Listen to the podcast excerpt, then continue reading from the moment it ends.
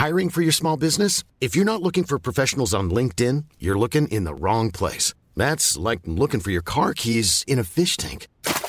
LinkedIn helps you hire professionals you can't find anywhere else, even those who aren't actively searching for a new job but might be open to the perfect role. In a given month, over 70% of LinkedIn users don't even visit other leading job sites. So start looking in the right place. With LinkedIn, you can hire professionals like a professional. Post your free job on linkedin.com slash people today. Ever catch yourself eating the same flavorless dinner three days in a row? Dreaming of something better? Well, HelloFresh is your guilt-free dream come true, baby. It's me, Kiki Palmer. Let's wake up those taste buds with hot, juicy pecan-crusted chicken or garlic butter shrimp scampi. Mm. Hello Fresh. Stop dreaming of all the delicious possibilities and dig in at HelloFresh.com. Let's get this dinner party started. Quality sleep is essential. That's why the Sleep Number Smart Bed is designed for your ever evolving sleep needs. Need a bed that's firmer or softer on either side? Helps you sleep at a comfortable temperature? Sleep Number Smart Beds let you individualize your comfort so you sleep better together. JD Power ranks Sleep Number number 1 in customer satisfaction with mattresses purchased in-store. And now, save 50% on the Sleep Number limited edition Smart Bed for a limited time. For JD Power 2023 award information, visit jdpower.com/awards. Only at a Sleep Number store or sleepnumber.com. Men eh, når du er i konkurransesituasjonen og startskuddet går, så er det liksom det er ikke noe alternativ å snu Nei. når du ser alle de andre stikker av gårde. Nei. Da tar adren- adrenalinet mer over. Ja.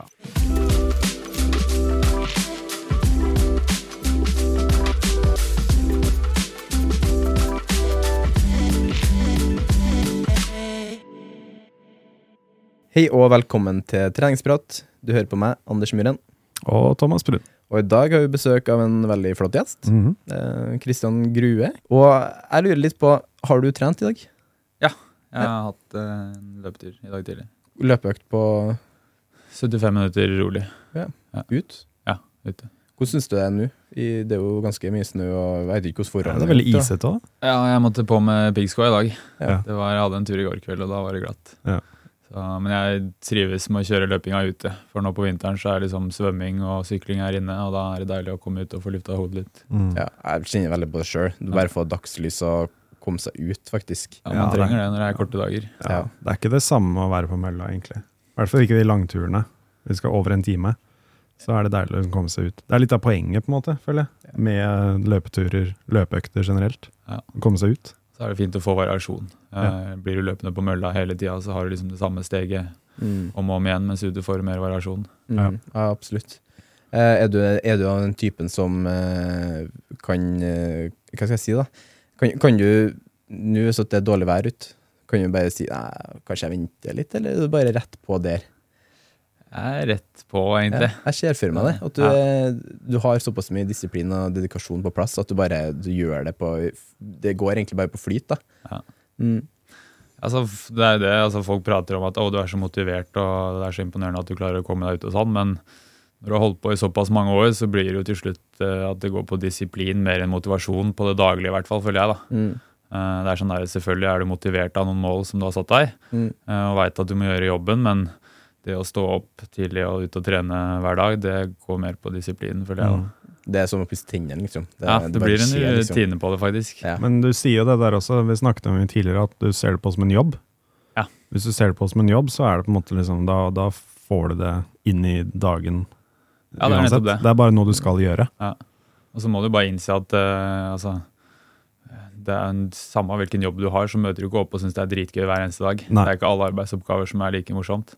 Eh, men eh, av og til så må du bare gjøre jobben uansett. Og sånn er det jo med treninga hvis det er jobben din. Så.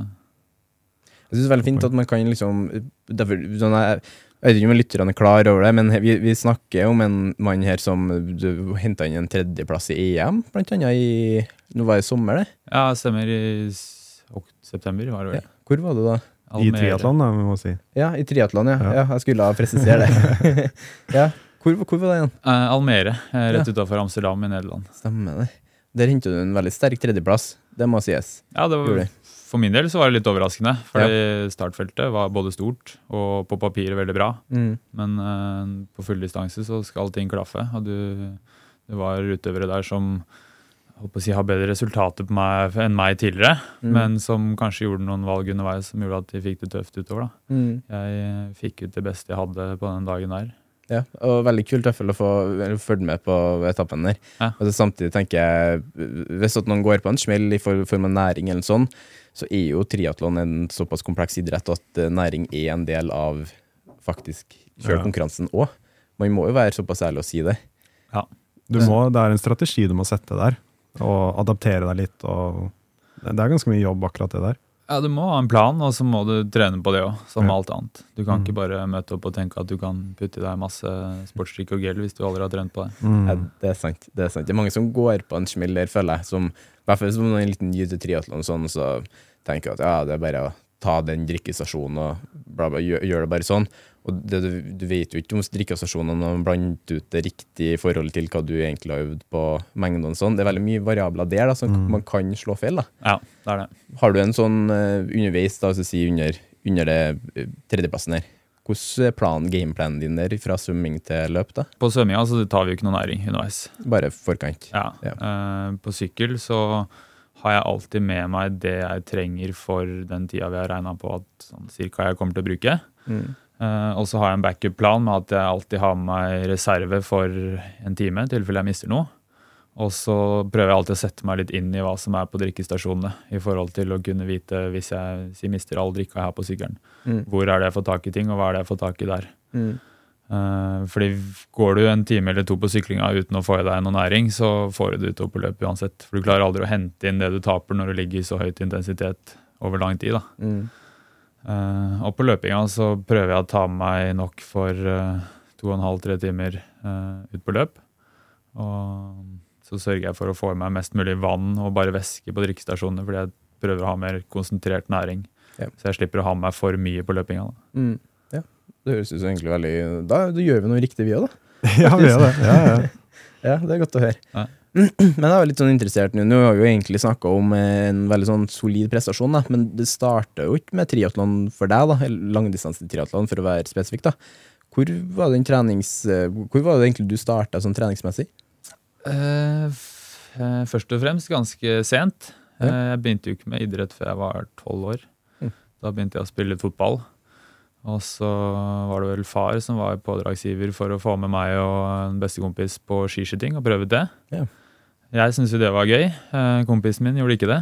Så det endte med at jeg fortsatte med det. Og hadde noen år der fra jeg var eh, 14 til 16 hvor jeg kombinerte liksom fotball og skiskyting med de fellestreningene som var. Eh, og når jeg var 16, så bestemte jeg meg vel for å begynne å satse litt. da, Og trene systematisk. Begynte med treningsdagbok. Eh, trente liksom hver dag, stort sett. Og første året logga jeg vel sånn 650-700 timer. Som var en ganske brå overgang. Eh, men jeg var der at i og med at jeg hadde begynt med skiskyting såpass seint òg, når jeg var eh, 14-15, så hadde jeg, eller følte jeg at jeg hadde en del å ta igjen på de som hadde starta tidligere og var gode. Eh, og den gangen så tenkte jeg at jeg skulle gjøre det i løpet av et eller to år. At jeg skulle komme opp dit. Da tenkte jeg ikke så langsiktig. Mm. Uh, det gjorde nok at jeg trente unødvendig mye og hardt på den tida. Som jeg fikk svi litt for utover i skiskytterkarrieren.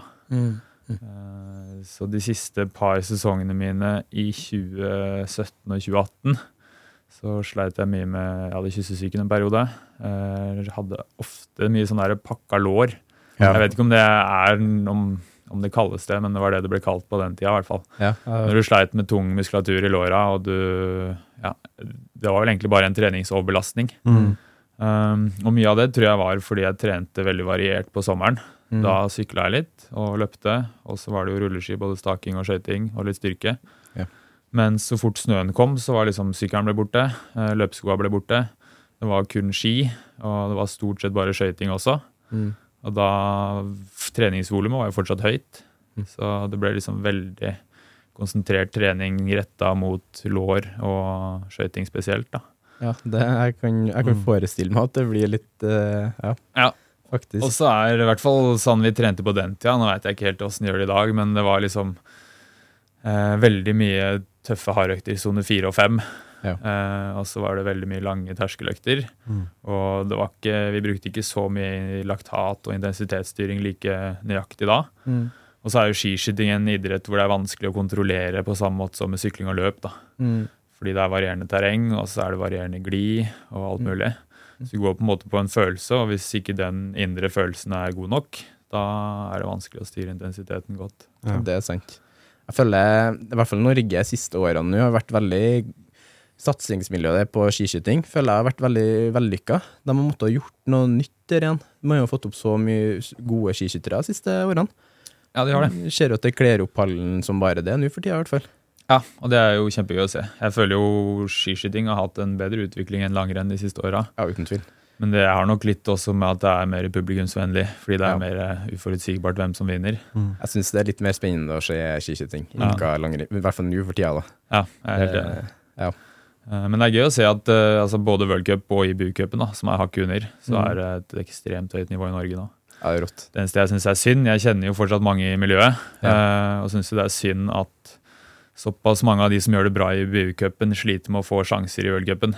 Ja. For det er litt sånn der klippekort. Kommer du inn i World Cup, så skal du gjøre det veldig dårlig for å bli kasta ut igjen. Okay. Og der har de ikke en god ordning på å rullere mer, sånn at de som gjør det bra i IBU-cupen, får flere sjanser. da. Ja. Så det er litt synd. Ja, det, det Jeg vet ikke hvordan man Har man jo kvoter man må fylle ut med tanke på antall Eller er det Ja, du har jeg vet ikke om det er seks plasser eller hva det er man har i World Cup. Eh, og så fylles jo den opp, og så er det litt sånn Går det greit, så kommer de med på neste runde. Ja. Og så bare kjører de på samme lag hele tida. Mm. Litt med tanke på sammenlagten, litt med tanke på å få erfaringer og sånn inn mot VM i forhold til hvem vi skal ta ut der. mm. Uh, men så har du, sånn som i år, da, har du et eksempel med en som heter Endre Strømsheim. Mm. Som har eh, vunnet fire av fem i buecup-løp.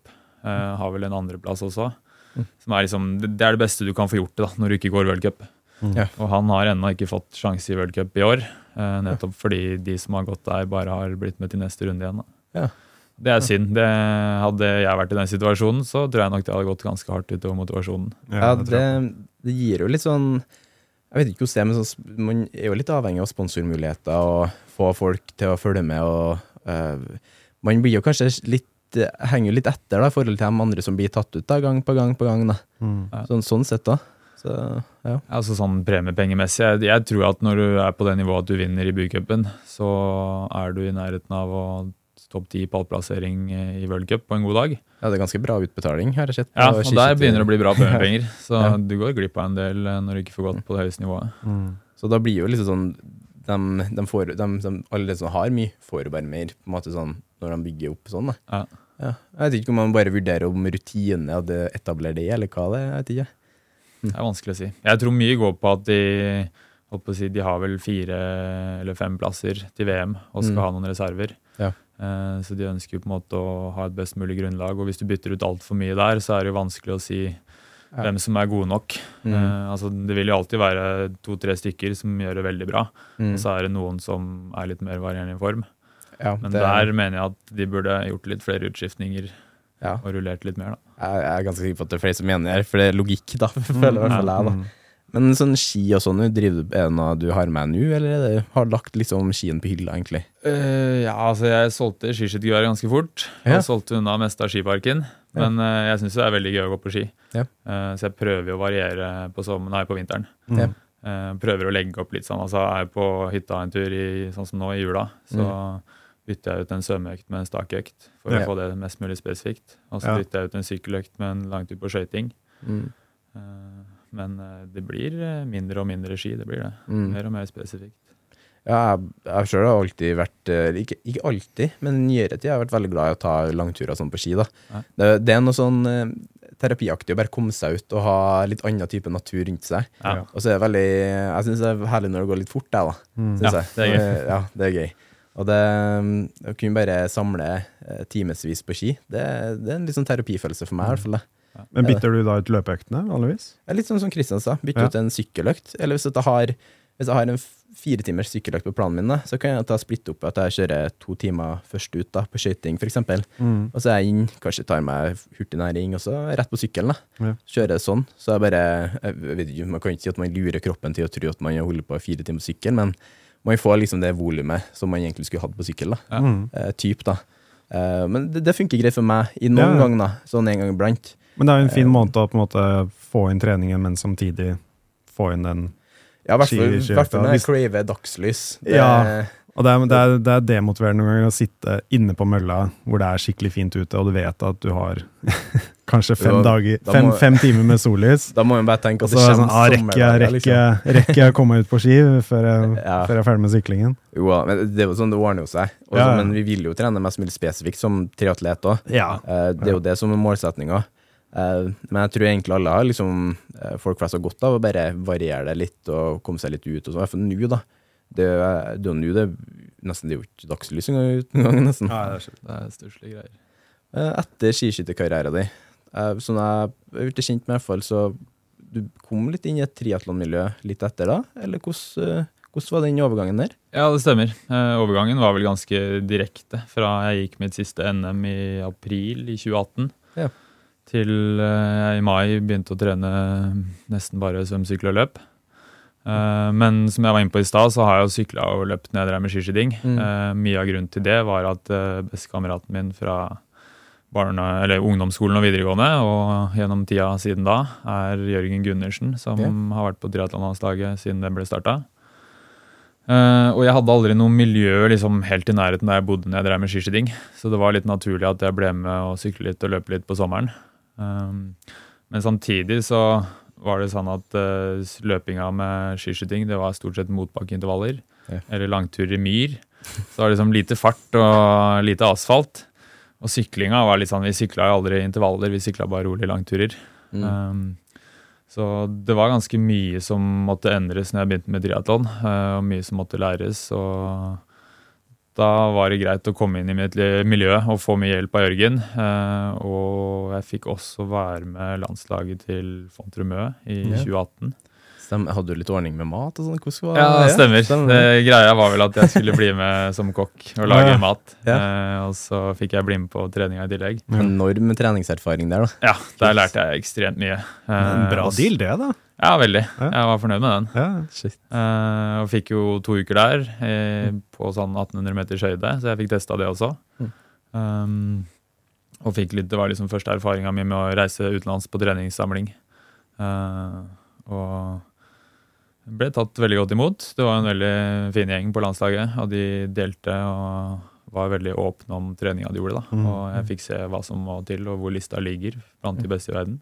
Kult. Eh, så det ga jo mye motivasjon for treninga videre. Jeg har det inntrykket sånn generelt i triatlonmiljøet at folk er veldig åpne og ønsker å dele og øh, vil få folk inn, da. Ja. Eh, det har jo du vært, og Allan Hovda, som vi snakker litt med, har vært, og eh, ja, Anders liksom Jeg føler i hvert fall det sånn Når jeg kom inn i det, så var det veldig åpent. Altså, jeg, jeg vet ikke om det er bevisst eller ikke, men uh, i triatlon i Norge så jeg tror jeg man er litt avhengig av det for å få med folk. Ja. Man ønsker jo mer blest rundt idretten man driver med, uh, og triatlon er såpass lite foreløpig også i Norge at uh, jeg tror alle tjener på å være litt åpne og ønske folk velkommen. Ja, og så er tror jeg at fordi man gjør mye av treningen alene, Ja. og da er det veldig hyggelig noen ganger å Ja, dele litt erfaringer. eh, og få litt eh, inside i hva andre gjør også. Fordi alle er jo nysgjerrige på hva alle andre gjør, føler jeg. Ja. Eh, så det går begge veier, Det gjør det. veldig ofte. Og det er veldig mange forskjellige måter å trene på i triatlon, og det er jo mange ulike distanser også. Ja. Så det er på en måte åpent for hvem som helst da, til å komme og prøve. og Du kan komme fra hvilken som helst bakgrunn du vil. og Det er, ikke, det er mindre utstyr enn det folk tror man trenger for å Ja. kunne være med på et triatlon. Og så det er jo sånn, jeg føler veldig mange tenker at triatlon er ganske brutalt. da, At det er veldig sånn, det er en big deal, derfor du gjør tre forskjellige ting i en samme idrett. på en måte. Ja. Men eh, det, det som fascinerer meg veldig, da, både i eh, event i Norge og Ironman og sånn, det er jo hvor mye forskjellige folk, type folk det er med på Mm. de konkurransene. da. Ja. Eh, Så klart, man kan jo bestemme sjøl om man vil investere litt i utstyr og sånn, men det er sånn å si, man, det trenger ikke å være så Du trenger ikke det ferskeste, nyeste, heftigste, liksom. Faktisk ikke. Jeg husker jo Oslo 3, for eksempel. Eh, det er sånn, ikke, ikke deg nå, Nei, ja. Men- ja, jeg tror men eh, jeg husker den overgangen fra sykkel til løp der Det var litt kult, derfor da du ser jo folk som har med seg eh, hva heter det, verge eller veileder, i hvert fall. da. ja. Og at det er sånne muligheter òg. At det trenger liksom ikke være Du trenger ikke være Kristian Grue liksom, for å gjennomføre et artig triatlon, liksom. Nei. Men uh, så kan man jo legge litt ekstra inn i det, da. Det Ja, du velger jo litt selv. Det gjør du jo absolutt. Mm. Um, jeg hadde jo Jeg hadde ikke noe særlig sykkelgear egentlig da jeg begynte der. Jeg husker du, du skulle ha Ja, Han ville ha en rask overgang da, fra sykkel til Ja. så han sykla med joggesko. Det var planen, i hvert fall. Ja. På første Spar tid, etterpå. Ja, spare tid. Ja, den er fin. Og jeg hadde jo ikke pedaler som hadde sånn clipless ingenting. Nei. Jeg hadde ikke sykkelsko, absolutt ingenting. Så jeg hadde bare en vanlig sånn um, vanlig sykkel med grusdekk. Jeg tenkte sånn, det går sikkert greit. Jeg visste ikke noe annet. Og tenkte at det var liksom greia, da, men så fikk jeg så mye tips fra folk eh, om at bare sånn, ja, hvis du gjør dette, så blir du litt kjappere. Hvis du gjør dette, så litt kjappere. Hvis du gjør dette, så, så kommer du deg liksom litt fortere av gårde. da. Ja. Bare det tipset med å ha sykkelbuksa under våtdrakten, eksempel. Ja. Jeg var sånn, å ja, det har jeg ikke tenkt på. Det er en god Det idé. Ja, det går an. Det er lov. Sparer du tid i skiftesonen og sånne ting, da. Så Ja. da oppgraderte jeg lite grann, men planen ja, som, som sagt, planen originalt var jo bare å kjøre eh, surfevåtdrakt, som var det jeg hadde fra før av, og så ta joggesko på sykkelen. Ja. Men så fikk jeg litt tips av veiledning, da. Og veldig hyggelig tips av veiledning. Det var ikke noe sånn 'dette må du gjøre'. Ja. Det var veldig sånn 'hvis du gjør dette, så går det litt kjappere'. Ja, det er det som er som du er inne på. Det, det finnes jo mange måter å gjøre det på. Noen skifter jo fullstendig skiftsonen. Du kan ha under. Eh, det er det som er fint. altså Oslo Triatlon så har jeg hørt flere som møter opp med bysykkel eh, som de har henta med seg, og bruker det. Yes, det Jeg har noen kamerater som har lånt våtdrakt og dridrakt for å kunne stille. Du får alltid ordna deg. Du trenger liksom ikke å kjøpe deg en landeveissykkel eller eh, karbonsko på løping eller våtdrakt i 6000 for å være med. Ja. Men eh, du bør starte et sted, da. Og da er jo sprint og olympisk distanse fint for de Mm. som er litt nybegynnere. Ja. Men jeg var sånn, jeg startet i hvert fall med at jeg skulle like treningen først. Ja. Og så skulle jeg se etter hvert på en måte om jeg skulle investere mer eller mindre. da. Ja. Så jeg begynte med en veldig sånn vanlig sykkel, og så etter hvert oppgraderte til en sånn landeveissykkel. da. Men jeg på en måte begynte veldig smått, og så bare hvis jeg liker treningen, så kan jeg fortsette å investere. da. Ja. Men hvis jeg ikke liker treningsvolumet og ikke syns det er gøy, så ser jeg ikke noe poeng i det. Men ta det litt sånn, starte rolig. Ja, det tror jeg er en lur, lur måte å gjøre det på. Det Mm. er bedre det enn å kjøpe seg en sykkel til 60 000, og så finner du ut på andre økt at dette ikke var noe gøy. Ja, Da er det litt verre. Den er litt kjip. Hvordan ligger man i tempo, liksom? Det. Ja, tempobøyler og sånt. Ja, ja. Hvor mange timer trener du i uka? Sånn, eh, hvis du bare Det er jo forskjellig fra uke til uke, så klart, men hvis du tenker sånn gjennomsnittlig? Det varierer jo, ja, som du sier, veldig. Eh, I fjor og året før så lå jeg på 1300 og 1350 i året. Mm. Uh, har jeg ikke regna på hva det blir i snitt per uke. Det er mye, da. eh, ja, det er nok. Eh, I år blir det litt mindre. Nå havner jeg på rett, ja, rundt 1150. Mm. Eh, akkurat nå så ligger jeg på rundt, eh, par, år- eller rundt 20 timer i uka. Mm. For nå er jeg inne i en treningsblokk med veldig mye intensiv trening, og så jobber jeg litt ved siden av. Og så blir nok litt avhengig av testen i januar. eh, Fra januar og utover mest sannsynlig litt mer volum. Litt mer terskeløkter. Og så blir det en samling i februar, i hvert fall. Eh, og så håper jeg å begynne sesongen allerede i mars. Kult.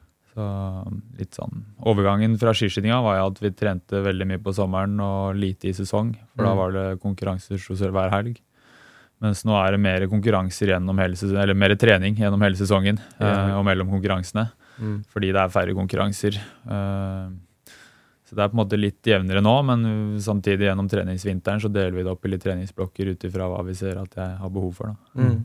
Nå er det jo gjennom en litt sånn VO2 Max, eh, som du sier, litt hardt og litt, kanskje litt brutalt, da. Jeg syns det er veldig brutalt, da. Det, ja. det, det er ikke den treninga jeg liker mest, men det er nødvendig, det òg. Ja. Er det faktisk. Eh, du nevnte nå at du ser for deg å starte sesongen i mars. Hvor eh, er noe konkurranse da? Som Eh, altså, det, hele racekalenderen har ikke kommet ut ennå, ikke for Ironman. uh, men du har jo løp uh, nede i Australia og rundt omkring overalt. Eh, du begynner vel på Lanzarote i slutten av mars. Stemmer det? Og så har du noe Clash Miami i, rundt samme tid, Ja. som er to alternativer. Eh, og så blir det å prøve å få inn et par løp før uh, Championship uh, Challenge i slutten av mai, som er liksom første store. Mm. Uh, og så får vi jo se. da, Nå er det mye diskusjoner rundt hvor VM full blir. Mm. Om Ja. det blir NIS, og når det blir i tillegg. Mm. Uh, men uh, det er definitivt noe jeg ønsker å kvalifisere meg til og kommer til å prøve på. Ja. Da, mitt store spørsmål Jeg har holdt på å tenke på det Det det blir sikkert ikke noe Norseman i år, da. Nei. Nei. Det blir første, utenom koronaåret hvor det ikke ble noe av, så blir Ja. det faktisk første året siden 2019 hvor jeg ikke kjører årer. Syns du det er greit at det ikke blir det i år, eller er det Ja, altså Jeg liker jo konkurransen. Jeg syns Mm. det er spennende, selv om løypa ikke passer meg sånn kjempebra vektmessig. Så Mm. liker jeg konkurransen. Men uh, akkurat der jeg er i karrieren nå, så kan jeg ikke forsvare å prioritere det med tanke på at det ikke er noe premiepenger. Mm. Nei. Det, Så, så jeg ser at internasjonalt så er det større muligheter for å tjene litt penger, og da er jeg nødt til å prioritere det. mm. Jeg syns det er veldig fint du nevner det med uh, at det egentlig ikke er en løype som passer deg sånn kjempebra. da. Du har litt mer muskler på kroppen, du har litt mer masse da, å bære med deg. Men det må nevnes at man skal ikke kimse av at du har tatt med deg to andreplasser nå, Ja. eh, to år på rad. I det hele tatt. Ja. Eh, vi snakka jo i den første episoden vår med Jon Breivoll, Ja. som eh, eneste som kom jo foran deg. Um, og jeg opplever jo som at en andreplass for deg kanskje er et ganske stort tap for deg, da. At du ikke ser på det som en seier. Eh, for mange andre har jo vært en enorm seier. Men du har vel den førsteplassen i tankene dine, ser jeg for meg. Eh, ja. Ja. Altså det, det, siden jeg valgte å kjøre Norseman, og jeg har alltid hatt en drøm om det, så Mm. er det jo den førsteplassen som har stått høyest. Mm. Både den og løyperekorden. Jeg har jo lenge ment at den løyperekorden som var på 9.52, Ja. eh, har vært eh, muligheter for å skru ned ganske mye. Ja. Og det så vi jo i år med de forholdene vi fikk. Um, og så er det litt sånn eh, Jeg tror at det kun er et fåtall personer i hele verden som er gode nok til å slå Jon i den løypa. Det er uh, nettopp pga. Jon sin vekt og hans styrke som syklist og motbakkeløper. Ja. Uh, og så er jeg der at selvfølgelig ut ifra mine forutsetninger så er det en bra prestasjon. Uh, det jeg gjorde i år, i hvert fall. Eh, men det er jo alltid surt å ta den andreplassen. Mm. Uh, jeg ser jo på bilder at jeg har aldri jubla noe særlig når jeg kommer over målstreken. Det er jo noe jeg angrer litt på, for det er liksom det har vært en lang dag, og håper å si, du gjør det ikke bare for deg sjøl, men du har med deg et supportteam, og det er mange som støtter deg på veien. Så jeg er selvfølgelig veldig takknemlig for det. Men uh, akkurat i øyeblikket så er man litt skuffa når man kommer opp dit som nummer to. Jeg husker det da jeg var der. Ja. Og så så der, så prata ikke så mye når du kom i mål. Jeg tror det er mye man kan lese ut av sånn Det er lett å lese en oppfatning ut av et bilde, da. Og så er det mye andre ting som skjer i bildet på en person som er i bildet, da. Ja. Sånn til deg, da. Uh, fra så tenker jeg jo enormt å få til en, en sånn prestasjon med tanke på Du vet at styrkene dine Du har jo sagt det før at styrkene dine ligger at det ikke er så mye høydemeter, da. Ja. uh, og du viser jo det at når du tar med en tredjeplass i EM òg, at eh, du, du, du tuller liksom ikke, for å si det sånn. da. Og du, du viser jo det på Norseman, da, når du kommer på andreplass der. Uh, men så tenker jeg det er jo veldig bra å høre at du har andre målsetninger som du måler deg mot nå. da At uh, Så kommer jo Norseman en gang senere. Ja. Det, du har sikkert ikke lagt den helt på hylla. Nei, altså nå har jeg tre stykker under beltet, Ja. og det er jo noe grønn trøye når du har kjørt fem. Så Ja. jeg tenker jo å gi det to forsøk til på å ta den seieren, i hvert fall. Mm. Så får vi se om det blir noen flere etter det. Mm, kult. Spennende. Mm. Ja, er. Jeg gleder meg veldig til å følge med på sesongen. da Mm. Det er Ja, artig. det er. Vi har jo holdt på vært i diskusjoner vi om vi skal til Lanzarote, da. Ja, vi ser på det. Så um, Det er er egentlig bestemt, er det ikke det? Det er jo litt det, Ja. faktisk. Bare finne ut når vi skal få og sånn. Ja, ja. Jeg skal til Texas og kjøre min første fulldistanse der. Ja, kult. Eh, 22. april eller noe sånt. Mm. Så det blir artig. den er uh, rask og fin, har jeg hørt. Kjenner noen som har kjørt den for noen år siden. Så godt det var Det er jo ikke noen høydemeter nesten engang. Nei. Så da kommer kroppen min til nytte der òg. Ja. Drar med meg noen, noen kilo ekstra. eh, Med tanke på styrketrening og sånn. Ja. Eh, Men det blir veldig artig, da. Gleder meg veldig til det. Ja, det blir spennende. Um, Ja, det blir kult. Eh, og så lurer jeg litt mer på, eh, i forhold, hvis du skal si en sånn Norseman-prep, da, eh, treningsmessig, hva koster det deg i forhold til treningstimer og sånn? Hvor, eh, hvor legger du mest fokus inn på treninga di, da? Eh, altså De siste årene så har jeg gått ganske inn for å preppe til Norseman, eh, med at jeg har vært mye på Geilo og trent i løypa. Mm. Eh, jeg har ikke gjort så mye spesifikt på løpinga i forhold til motbakke.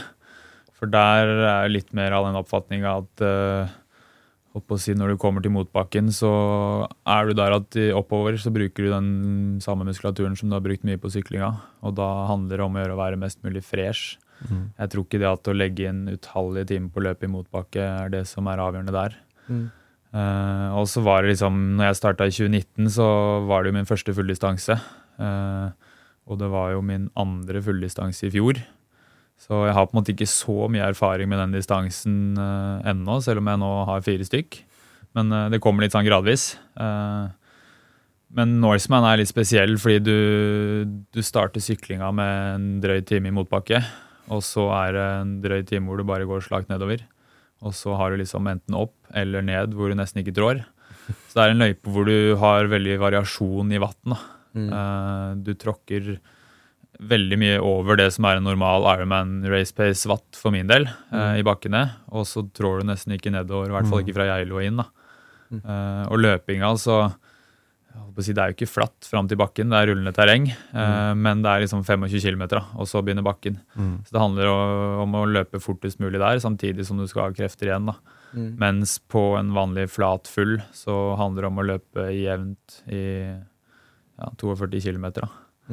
Men det er også som du sier, det er, det er egentlig det å være klar for uansett forhold også. Fordi været er jo så skiftende. Bare Ja. pga. at høydemeterne varierer så fælt. Ja. Så er jo været veldig veldig skiftende. Så du må egentlig være forberedt på det meste Du som må det. eh, Altså, kan treffe deg. I år hadde vi vel minus to effektive på Ja, Dyranut. ja. uh, og regnvær fra start på syklinga. Ja. Mens når vi kom til Imingfjell, så begynte det å bli bedre temp. Mm. Så du må på en måte være forberedt på alt mulig. Og jeg, har jo heldigvis den fordelen med at jeg, jeg tåler kulde godt. Mm. Uh, sikkert både pga. størrelsen min uh, og bakgrunnen fra skiskyting. Ja. Så jeg trenger ikke så mye klær, og så blir jeg kald, så tåler jeg også det veldig godt. Du vet på en måte hva den følelsen er for noe. Ja. Eh, Så det tror jeg er en fordel. Jeg ser jo mange som må stoppe opp og kle på seg fordi de Mm. kanskje ikke er forberedt og ikke vet helt hva som venter. Jeg tror det var en som ga meg et tips, da, jeg skal jo delta nå i 2023. Det er sånn- en som ga meg tips om at bare Jeg tror det var Jon som sa det. bare sånn, Ikke, ikke kle deg beregnet på hva de proffe og de som er på topp ti, kler seg for, fordi de produserer mye mer watt Ja. oppover, og de kommer til å bruke mye kortere tid også. På den, hvert fall den første bakken på syklingen, som er sånn 40 km eller noe sånt. Mm. Ganske lang. Du kommer til å være i den bakken mye lenger enn de andre, så du må liksom kle deg litt ekstra, da. Litt uh, flere plagg. Ja, Det tror jeg. Um, så mange ser jo på en måte liksom, ok, hva er det de på, i videoene gjør? Men det er liksom veldig ofte de toppfolka. Så du må liksom se på, hvis du skal være sånn cirka i midten av flokken, Ja. så må man til, ok, er det, hvordan er det de kler seg, og så kle seg litt mer sånn. Ja, og selv blant uh, de i toppen så er det mye forskjeller. Ja. Eh, altså, jeg og flere andre brukte lang tid i TN i år på å kle på oss godt. Eh, mens noen valgte å liksom kjøre ut i tridrakt eh, og endte opp med å måtte stoppe litt underveis. Og så kan du diskutere hva, hva er det du taper mest tid på. Å på en måte være rask i TN, men måtte stoppe underveis og kle på deg litt og litt mer. Eller å bare tape deg mye fra start. Mm. Men uh, det å i hvert fall følge med på værmeldinga og ha noen alternativer og plan A, B og C, det tror jeg er lurt i hvert fall. Det skal vi, tror jeg. Ja, det er Anders skal være med som support, Ja, kult. så jeg bare stole på at Vi kjenner til å legge en bra plan, da. Ja, Det ja, gjør vi. Vi har jo allerede det med tanke på treninga framover. Ja, At du skal ut og, må jo ut og svømme i kulde. Mm. Kaldt vann, rett og slett. For det kommer ikke til å være varmt, eh, eller mest trolig så er det ikke varmt der heller. Nei, men det er sånn, det er sånn litt du sier at hvis, hvis man på en måte er bare forberedt på at det skal være kaldt, og du har riktig våtdrakt, så tror jeg Mm. liksom ikke det er det Det er ikke det store kultursjokket, i hvert fall. For de har jo svømt i kaldt vann før og veit liksom hvordan det er. Eh, det verste er hvis man kommer Det var jo noen som kom fra Brasil og sånne ting. Og liksom Ja. aldri liksom, De ser på 20 grader i vannet som kaldt, ikke sant? Og da er det litt annerledes. Men hvis du er fra Norge og du er i de forholdene, så et par svømmeturer sånn uka før og bare ok, tilrettelegge litt ekstra da, kanskje. Det er sånn det. Og så er Norseman å si, de siste tre åra nå, så har vi jo vært bortskjemt med god temperatur. Mm. Det er jo ikke gitt at det blir det hvert år, men uh, trenden er vel litt at det blir et par grader varmere hele tida. Uh, og så starter det jo langt ute i fjorden, hvor det alltid er varmere enn inne der hvor eh, vannet fra fjellene renner ut. Mm. Så det er på en måte når du kommer der hvor det er kaldest, så er du allerede såpass oppvarma fordi du svømmer hardt og du har litt adrenalin i kroppen, så da tenker du ikke så mye over det. Jeg gjorde jo Arctic Triple eh, oppe i Lofoten, Ja. og der var det jo 11 grader i vannet. Ja. Men det var, som du sier, adrenalinet tar over litt, Ja, det det. og du tenker egentlig ikke så mye over det. Sånn som Vi tok en sånn svømmetur dagen før og testet bare temperaturen. Og utstyret og sånne ting. Og da var det jo på en måte kaldt. Men når startskuddet går, så tenker du egentlig bare på svømmingen. Ja. Og du er forberedt på at det skal være litt kaldt. Og så er det ofte litt varmere enn det du så for deg. Ja. Uh, Ja, det er som du nevnte her eh, i stad, at eh, når du har en rolig treningsøkt, hvis du skal ut i ti grader da, så er det liksom Det, Ja, det, det det, er, det påvirker såpass at uh, du syns det er ubehagelig. Men eh, når du er i konkurransesituasjonen og startskuddet går, så er det liksom det er ikke noe alternativ å snu Nei. når du ser alle de andre stikker av gårde. Nei. Så da tar adrenalinet mer over. ja, så vet du at det, du skal være litt ubehag uansett. Ja. Og du aksepterer det bare. Eh, det er jo det du liksom har meldt deg på. Ja, det er, Vi skal jo et par turer til Eidfjord og, og opp til Geilo litt. Og Gjør det litt spesifikt, i hvert fall. Ja, ja. Få prøvd litt, da. Stikke opp til Gaustablikk og Finne litt inspirasjon fra deg. Du har jo vært på Vestlia, Ja, resort der, stemmer. og holdt det. mm. Så jeg syns Geilo er fint, for det er eh, holdt på å si, du har mulighet til å svømme på Vestlia, selv om det Mm. er kort basseng og litt varmt. Ja. Eh, og om sommeren, når det er god temp, så er det gode muligheter å svømme i Justedalsfjorden også. Mm. Ja. Og så hvis du skal gjennom hele løypa, så har du på en måte ni mil til Eidfjord og ni mil til uh, T2. Mm. Så fint å kunne sykle begge veier, og fint å løpe på Geilo i tillegg. mm. Ja, det blir bra. Ja, det er bra tips. Artig. Hvem av de eh, tre treningsformene liker du best, egentlig? Han investerer tid. Hvis du måtte være den, liksom. Det, det varierer veldig. Ja, det, Det er sånn, sånn, eh, akkurat nå så trives jeg veldig godt med svømminga. Ja.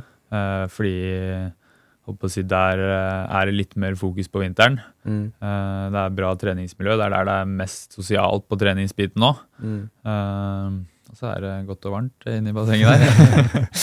Men uh, løpinga sånn generelt er nok den jeg trives best med. Fordi Ja. det, er, det er så enkelt og effektivt. Og så Mm. kan du stikke ut overalt. Uh, du får sett så mye hvis du er rundt omkring. Mm. Uh, men det er klart på samlinger og på sommeren så trives jeg med mange timer på sykkelen. Mm. Ja, det tror jeg på. Ja. Det, ja. Så du liker variasjonen, med andre ord. Ja, Ja. jeg har alltid altså, Jeg begynte jo med skiskyting, eh, eller trivdes med det fordi det var variasjon der også. Du hadde Mm. skøyting, du hadde klassisk, eh, du hadde løping og sykling på sommeren. Mm. Eh, Jeg hadde nok aldri trivdes med en idrett hvor du kun trente i en bevegelsesform. Mm. Mm. ja, men det er jeg helt enig i. Sånn, veldig mange spør hvor, hvorfor i alle dager valgte jeg å begynne med triatlon Jeg har holdt på bare med styrketrening før. Og da ble det litt sånn Nei, jeg er jo veldig glad i å trene, da. Trener Mm. veldig mye, og så er jeg veldig interessert i trening.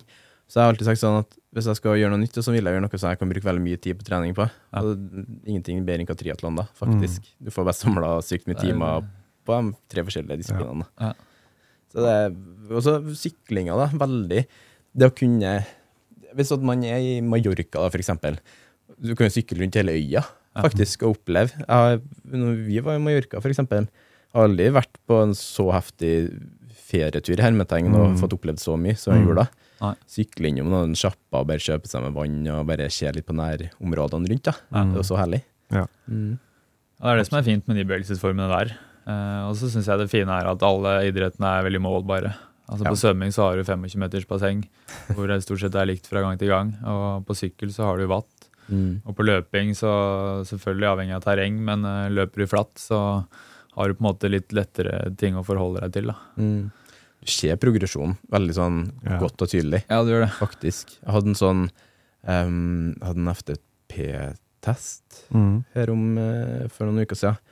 Og da sammenligna jeg med den jeg gjorde i fjor. da Og hadde jeg økt ifra jeg hadde, I fjor hadde jeg 260 eller noe sånt. Og eh, er det det FTP jeg tenker da? Eller tenker jeg Ja, nei, uansett, i hvert fall. Den testen jeg har tatt, da, så har jeg økt fra 260 til 315 på, på de verdiene vi målte etter. da Ja. Mm. Det er ganske heftig, sånn brå økning. da Og tenk, ja, Da var jeg veldig fornøyd med ja. Da er du kry etterpå. Ja. Går jeg ut til samboeren min og bare Vet du hva, jeg fikk det, da. Hun har jo ikke peiling, da. Skjønner jo ikke dritt, liksom. Så, men jeg bare kunne skryte om det, liksom. Og så var jeg sånn, ja, men Vær så forskjellen på tallene, så skjønner du, liksom. Ja, ja. Så, det veldig Det er sånn- høyere tall, det er bra. Ja, ja. Ja, høyere er bedre. liksom. Ja. Ja, men Det er veldig gøy som du sier, at liksom det er en veldig sakte, sakte sakte progresjon, men den er der. og Hvis du gjør sånne tester hver tredje måned, så blir du motivert da, til å liksom Ok, det funker. Ja. Det jeg gjør, funker faktisk. Det er en, det er en progresjon her. Du skulle jo i laben snart og teste litt, skulle du ikke? Jo, stemmer. Jeg var der for tre ukers tid siden nå. Ja. Og så skal jeg en tur dit i starten av januar. Mm. Vi bruker jo det litt for å se hva, hvordan vi skal legge opp treninga fremover. Er du på Olympiatoppen, eller er Ja, nå har jeg endelig kommet inn og fått teste der. Ja, ja, tidligere så har jeg vært litt sånn rundt omkring. Fordi altså, i Norge så har vi ikke noe langdistanselandslag. Så der eh, er jeg ikke under noe, noe landslag som kommer inn på Olympiatoppen. Men eh, heldigvis prestasjonene dine tilsier at eh, her er det noe som burde gis oppmerksomhet, i hvert fall. Ja. Tenk nå jeg, da. Eh, og så hjelper det jo å ha kjentfolk som jobber der. Ja, som, ja, det er sant. Kan komme deg inn. Mm. Vi har nå Granåsen oppe i Trondheim. De har eh, Ja, Der er det bra testsenter, har jeg Ja. hørt. Så jeg tenkte å ta med Thomas der eh, på nyåret Ja. og kjøre litt uh, opplegg der. Ja. Så det blir veldig gøy, da. Ja, det er så det er jo nesten rett utafor døra hjem til det vi har flytta. Ja. Så det er veldig kult å ha sånne muligheter. Mm. Det er veldig fint å se litt verdier sånn i forhold til uh, hvor man alltid tar stegene. da. Og så er det veldig artig da, å teste litt. da. Det er greit å ha litt tall og kunne ta utgangspunkt fra. Mm. Og kunne gå tilbake og se i nyere tid. da. Mm. Ja, sant. Og så er det litt sånn, det er kanskje ikke alle som har samme nytte av det sånn egentlig, men det er sykt gøy, da. Jeg, jeg er en nerd for tall, jeg, sånn treningstall og sånne. Mm. Når jeg følger opp kundene og ser, følger dem opp innenfor Training Peaks, da, hvis Ja. du er kjent du er sikkert kjent med det. Ja, jeg bruker Ja. det selv. Ja. Og ser eh, verdiene og liksom hvordan man kan peak, eh, tweake litt der. Det er ganske sånn eh, ikke, det er litt sånn Ja, ja. godfølelse. Det er veldig gøy. Mm. Det er jo som jeg diskuterte med en kompis her om dagen, at jeg tror for egentlig alle eh, som skal være aktive eh, og komme i gang med trening, så handler det om å finne noe du motiveres av. Mm. Eh, og i triatlon så er det på en måte ganske lett, fordi det er målbart. Mm. Eh, og det samme gjelder med styrketrening. Eh, du ser jo fort om du har putta på mer vekter på neste økt. Ja. Eh, men så må du liksom finne, finne en bevegelsesform eller en idrett som du syns er gøy, og hvor du kan se litt fremgang. Og så tror jeg det blir lett en naturlig motivasjon for mange. da. Mm. Så kontinuitet, da. Og bare, det, det er jo det som er lettere å holde inn kontinuitet da, når man bare holder igjen hele tida. Ja. Holder opp med det. Det kjenner jo i hvert fall du på, det vet jeg. At Ja, ja, Når, du, det er så godt å se nå, for Thomas hadde en liten periode det ble noen røkter. Det kanskje var litt noen sånn mista noen økter. Ja, Og nå ja, ja. er alt grønt. Alt er grønt nå. De siste ukene nå har alt vært grønt. Ja. Ja. Men det går jo litt opp og ned, selvfølgelig. Ikke motivasjonen sånn sett, men livssituasjonen Mm. forandrer seg jo hele tiden. Uh, og da er det jo fint å kunne liksom tilrettelegge lite grann, men det er mye mer behagelig da å vite hvis du har lagt en veldig god periode bak deg, da, så kan du med god samvittighet liksom trappe litt ned, og så gå litt opp igjen. Mm. Uh, så det er jo sånn, sånn jobb og sånne ting er jo ting som man må gjøre. Ja. Um, og da tilrettelegge. Men det var en del røde økter en periode, ja. Det var det. Men uh, nå er vi, vi er veldig god flyt nå, da. Nå er vi en god flyt. Du har sikkert ingen røde økter, du. Uh, nei, det er lite av det, eh, egentlig. For meg så er det, altså, som jeg har vært inne på, det er jo en del av jobben min. Ja. eh, og går jo på Disylvin. Uh, men jeg har jo noen utøvere som jeg følger opp selv. Mm. Eh, og det er jo som vi har vært inne på nå, at det handler jo om å eh, legge til rette for at treninga kan bli gjennomført. Ja. Eh, jeg har jo utøvere som liksom ønsker å kjøre en langtur på fem timer eh, fordi det er noe de syns er gøy. Mm. Eh, eller at de ønsker å kjøre knallharde intervaller. Eh, men så er det sånn her, hvis det fører til at eh, de ikke får trent da, på et par dager, mm. eller intervalløktene for noen er såpass tøffe at de gruer seg til og ikke vil gjennomføre det så ofte, Mm. så er det, liksom, det er ikke noe poeng. eh, for det er ingen økt som er magisk, som er sånn at du kan gjennomføre en gang, og så blir du supergod. Det handler om å ha kontinuitet over tid, eh, og så sette opp øktene sånn at du utvikler deg. Da. Ja. Eh, og da handler det om å legge til rette for det. Det er veldig mange som spør om hva den beste intervalløkta og sånn, liksom. Og det, jeg sjøl spurte om det før når jeg kom i gang med det. Men man forstår ganske fort at den beste intervalløkta er jo faktisk den du utfører, og får til å utføre, og kanskje med stadig progresjon. da. Mm. Det er så enkelt svar som det. Ja. Men eh, det er jo mer eh, sexy å selge inn eh, av Kjører du 6 ganger 1252 meter, liksom, så mm. det er optimalt, da. Men det er ikke det vi, ikke det vi vil anbefale, da. Nei, nei, nei, Jeg tror det er mange som har Som liksom setter i gang og anskaffer seg en trener som har på en måte eh, en tanke om at det er veldig mye hokus pokus der ute. da. Mm. At det er veldig mye spesielle økter. Og, men det handler jo mer om å få tilrettelagt med livssituasjonen, så at Ja. du får gjennomført treninga, og at treninga selvfølgelig er retta mot det du ønsker å bli bedre på. da. Mm. Absolutt. Det, det er sånn, veldig sånn fascinerende gang at svaret er egentlig ganske enkelt, men forståelsen av det er veldig komplisert Ja. for veldig mange. da. Uh, veldig mange tror at det krever ganske mye.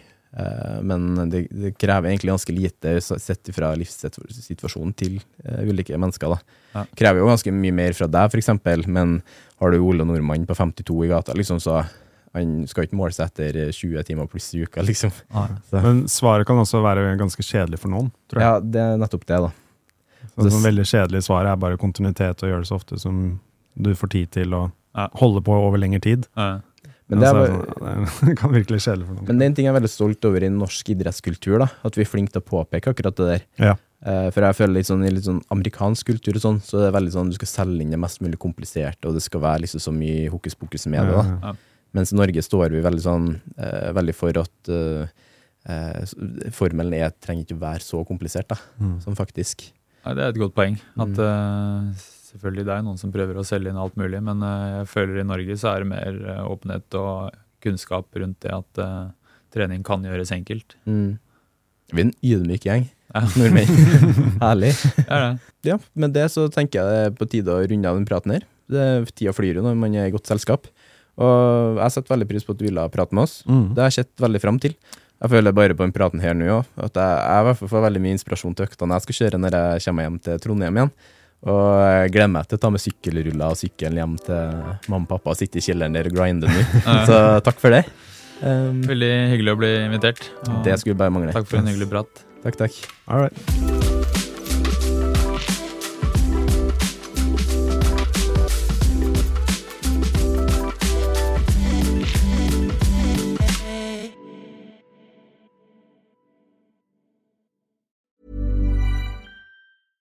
Ever catch yourself eating the same flavorless dinner three days in a row? Dreaming of something better? Well, HelloFresh is your guilt free dream come true, baby. It's me, Kiki Palmer. Let's wake up those taste buds with hot, juicy pecan crusted chicken or garlic butter shrimp scampi. Mm. Hello Fresh. Stop dreaming of all the delicious possibilities and dig in at HelloFresh.com. Let's get this dinner party started.